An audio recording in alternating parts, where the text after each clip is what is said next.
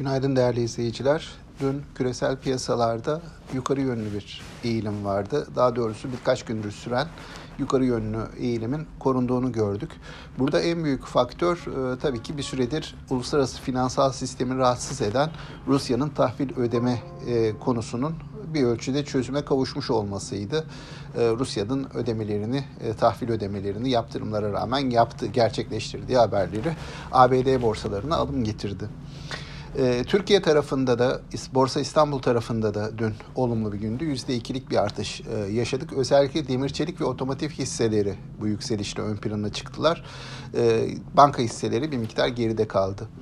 Şimdi önümüzdeki günlere baktığımızda hani piyasaların seyrini büyük ölçüde bu Rusya-Ukrayna krizindeki gelişmeler çözecek. Orada farklı işaretler var. Örneğin e, hafta ortasına kadar rahatlayan e, petrol ve emtia fiyatları dün bir miktar e, yukarı yönlü hareket ettiler. Burada daha henüz krizin çözülmemiş olduğu hatırlandı ve her an risklerin ortaya çıkabileceği düşüncesi hakim oldu. Neticede petrol ve emtia fiyatlarında dün artış gördük. Eğer önümüzdeki günlerde, önümüzdeki hafta bu konuda bir rahatlama olursa bunun piyasalara olumlu yansıması olacaktır diye düşünüyorum.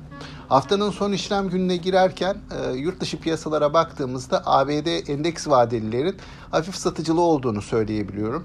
E, buna karşılık Asya piyasaları biraz daha kuvvetli. Orada artılar var. E, bizim Borsa İstanbul'un da birkaç günlük yukarı yönlü hareketten sonra bugün daha yatay bir seyir izleyeceği e, mu, izlemesini e, muhtemel görüyorum. Dolayısıyla hafta sonuna yatay bir borsayla gireceğimizi tahmin ediyorum. Aktaracaklarım bunlar. Sağlıklı, bol ve bereketli kazançlı günler dilerim. Yeniden görüşmek üzere.